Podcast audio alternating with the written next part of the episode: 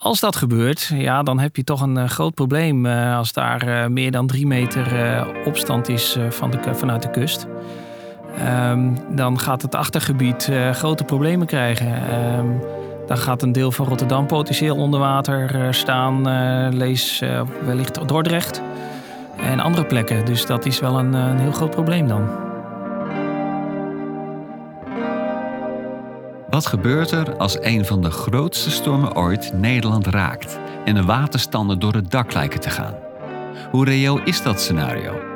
En wie zit eigenlijk achter de knoppen zodat de juiste informatie op tijd beschikbaar is voor de cruciale beslissingen die ons beschermen?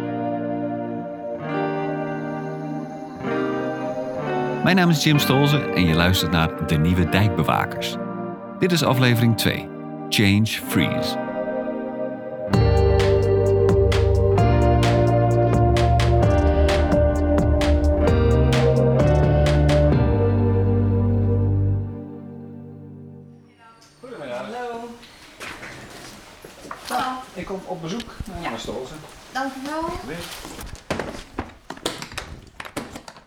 Voor de tweede aflevering van deze podcast ben ik afgereisd naar Lelystad.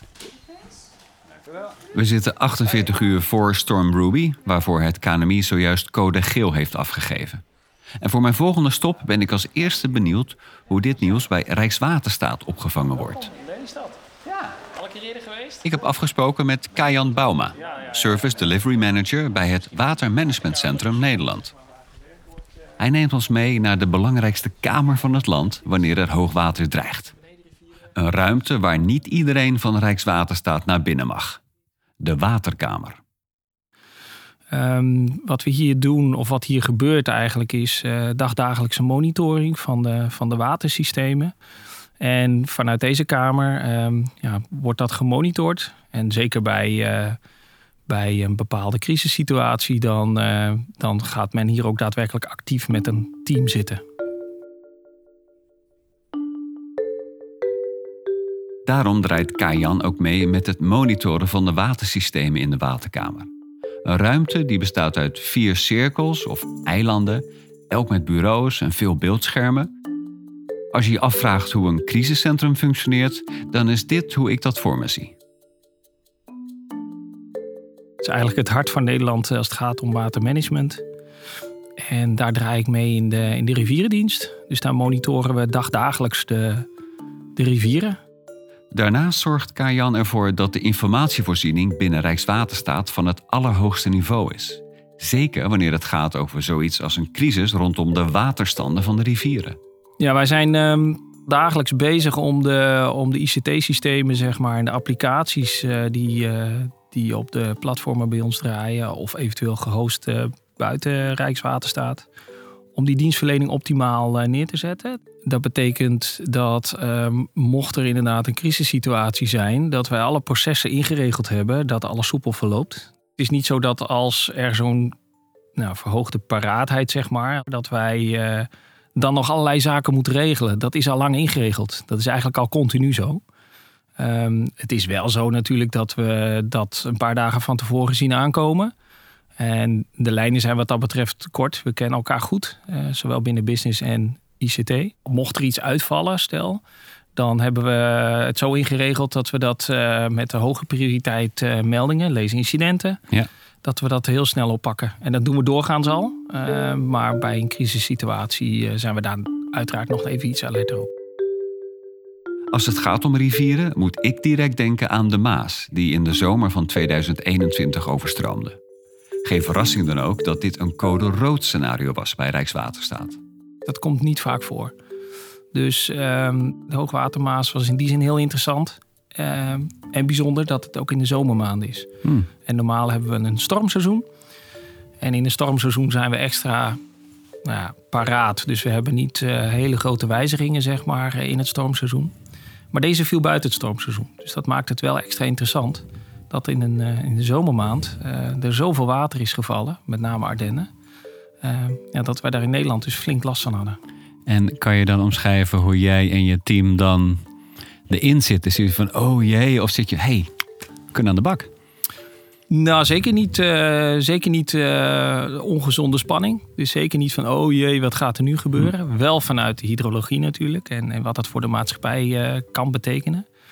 Nee, we hebben de processen zo ingeregeld. Dat is allemaal, dit zijn nou ja, missiekritieke systemen die wij dan beheren. En dat hebben we allemaal zo goed geregeld dat als daar iets mis zou gaan, dan kunnen we heel snel schakelen via prioriteit, hm. hoge prioriteit meldingen. En nogmaals, de lijntjes zijn ook kort. Dus dan wordt er ook eventueel, uh, of tenminste wordt er ook eigenlijk wel gebeld. Van als, dat zich, als er iets zich voordoet, dan, zodat we zo snel mogelijk dat uh, eventueel oplossen. Nee, wat dat betreft zijn we heel goed voorbereid. Dus dat, uh, dat, dat hebben we ook afgelopen jaar gemerkt. Dat is eigenlijk heel goed verlopen. Toch laat zo'n overstroming mij niet helemaal koud. Met het veranderende klimaat in Nederland vraag ik me af of daarmee ook zijn werk steeds uitdagender wordt. Ja, ik denk dat het antwoord voor de hand liggend is. Dat wordt alleen maar spannender. Um, de klimaatverandering gaat langzaam. Ja, komt best wel eens mensen tegen die zeggen eigenlijk van... nou ja, is het nou echt aan de gang? Maar je ziet dan heel veel signalen aan, andere vissen in de zee, uh, et cetera. Zie je dat het echt aan het veranderen is. Uh, we hebben nou contact ook met een kennisinstituut zoals Deltaris... met andere wetenschappers bij het KNMI... Ja, en die laat ook zien dat er echt een stijgende lijn is in, in, in temperatuurverhoging. Dat betekent meer vocht in de lucht, extremere weersituaties, heel lokaal.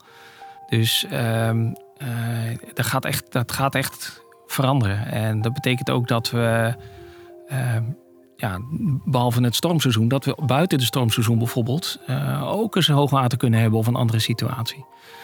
Nou, daar, moeten we, daar moeten we gewoon ook over nadenken en, en naartoe werken dat we daarvoor gesteld staan in die situaties. Dus dat, het wordt alleen maar interessanter en uitdagender. Ja. Een uitdaging die Kajan niet alleen aan hoeft te gaan. Zo geeft hij sturing aan een technisch applicatiebeheerteam van 15 mensen dat de belangrijkste incidenten afhandelt. Waar ik altijd wel op let is dat, eh, dat we ook niet alleen ICT-technisch kijken of ze, of ze de juiste bagage mee hebben, maar of ze ook interesse hebben in de inhoud van het vak. Hmm. En je merkt dat de collega's in dat team, maar ook mijn eh, directe collega's op de afdeling, echt wel betrokkenheid hebben in het maatschappelijk belang als het gaat om watermanagement. En ja, hoe belangrijk dat is voor eigenlijk de fundamenten van Nederland. Dus, ehm, want als we niks doen, dan gaat het onherroepelijk verkeerd. Uh, op verschillende plekken of op grote schaal. En dat zou bij een storm zoals Ruby behoorlijk vervelend zijn. Zoals het KNMI in de vorige aflevering aangaf, zitten we nu een paar dagen voor wat wel eens de grootste storm van deze eeuw kan gaan worden. Een situatie die ernstig genoeg is om een team in zitting te laten gaan. Wat betekent dat precies? Als, uh, als in de waterkamer uh, voorzien wordt dat er inderdaad een, uh, een extreme situatie zich ontwikkelt, op dat moment wordt, uh, wordt er vanuit de, nou, de dienstdoende collega wordt er een signaal afgegeven naar de coördinator hier op de afdeling. En die kondigt op dat moment een change freeze af. En change freeze geldt dan in feite voor de hele organisatie. Daar hebben we een proces voor ingericht. Dat betekent dat ieder project en alles uh, wat daarmee te maken heeft in een relatie heeft met watermanagement geen changes mag doorvoeren. Dus we hebben daadwerkelijk een change freeze. En op die manier uh, ja, garanderen we eigenlijk voor een belangrijk deel dat er geen systemen uitvallen of uh, onnodige verstoringen ontstaan. En wat moet ik me voorstellen bij de, de systemen of de dashboards uh, die jullie hiervoor gebruiken?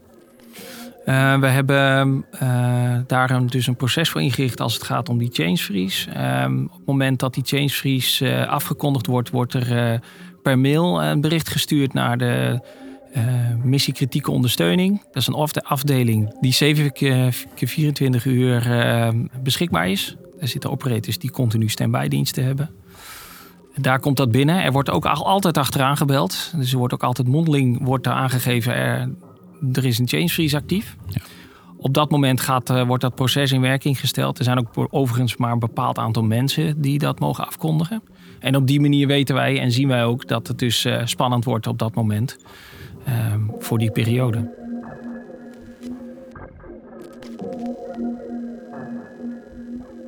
Net als René, de enterprise-architect bij het KNMI die we hiervoor spraken, schiet Kajan dus ook niet zo snel in de stress.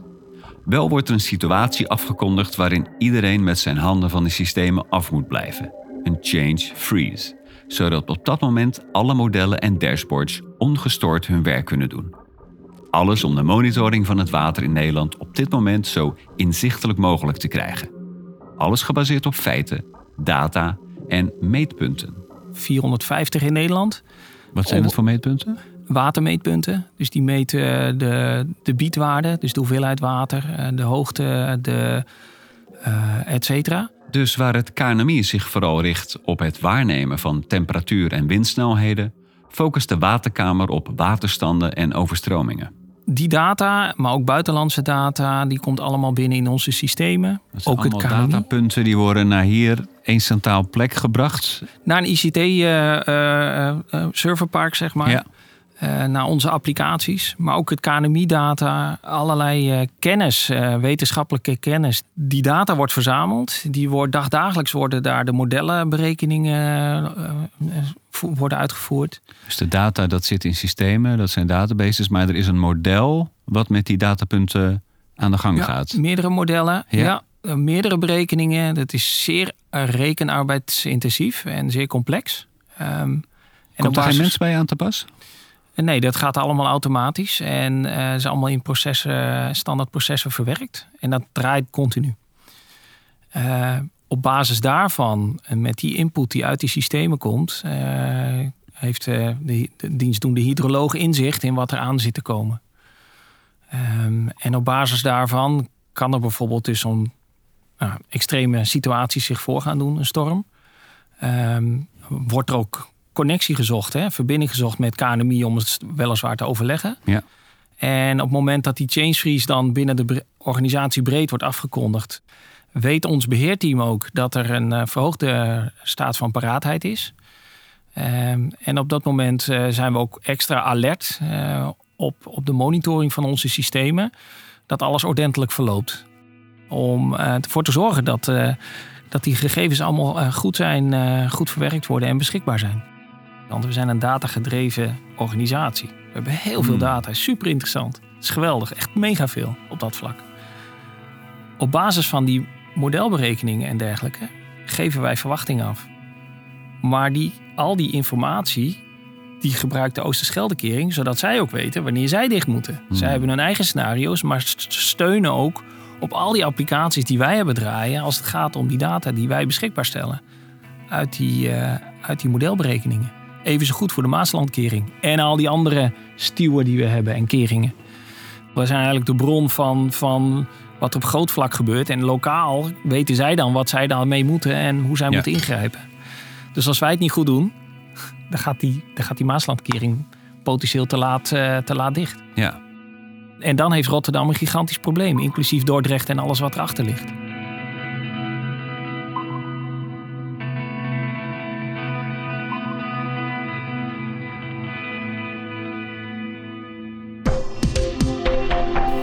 Overal in het land zijn voorbereidingen voor storm Ruby, die over twee dagen aan land komt rond 4 uur s middags. De stormvloedkeringen langs de kust worden waarschijnlijk morgen al gesloten, waardoor het land beter beschermd is tegen water. In het hele land komen crisisteams bij elkaar. Er rijden tijdens storm Ruby donderdag geen treinen en er wordt afgeraden zelf in de auto de weg op te gaan.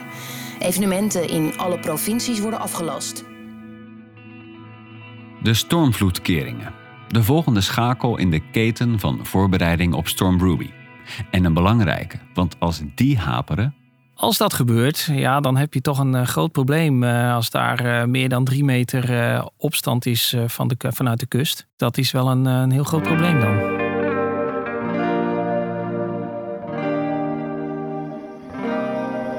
In de volgende aflevering ga ik naar één van die belangrijke schakels: de Maaslandkering. Want heb ik nu vooral gesproken met partijen die verwachtingen en waarschuwingen afgeven?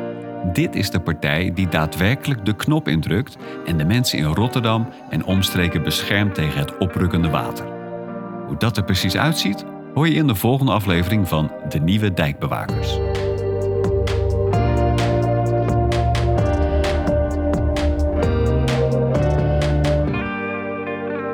De Nieuwe Dijkbewakers is een productie van het podcastkantoor in samenwerking met de Rijksoverheid.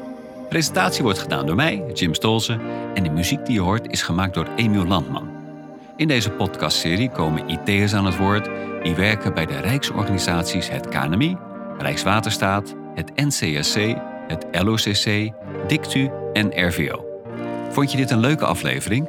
Abonneer je dan op de podcast en laat vooral even een review achter, zodat we beter vindbaar worden voor nieuwe luisteraars. En wil jij je IT-skills inzetten voor Nederland? Ga dan naar werkenvoornederland.nl/ict.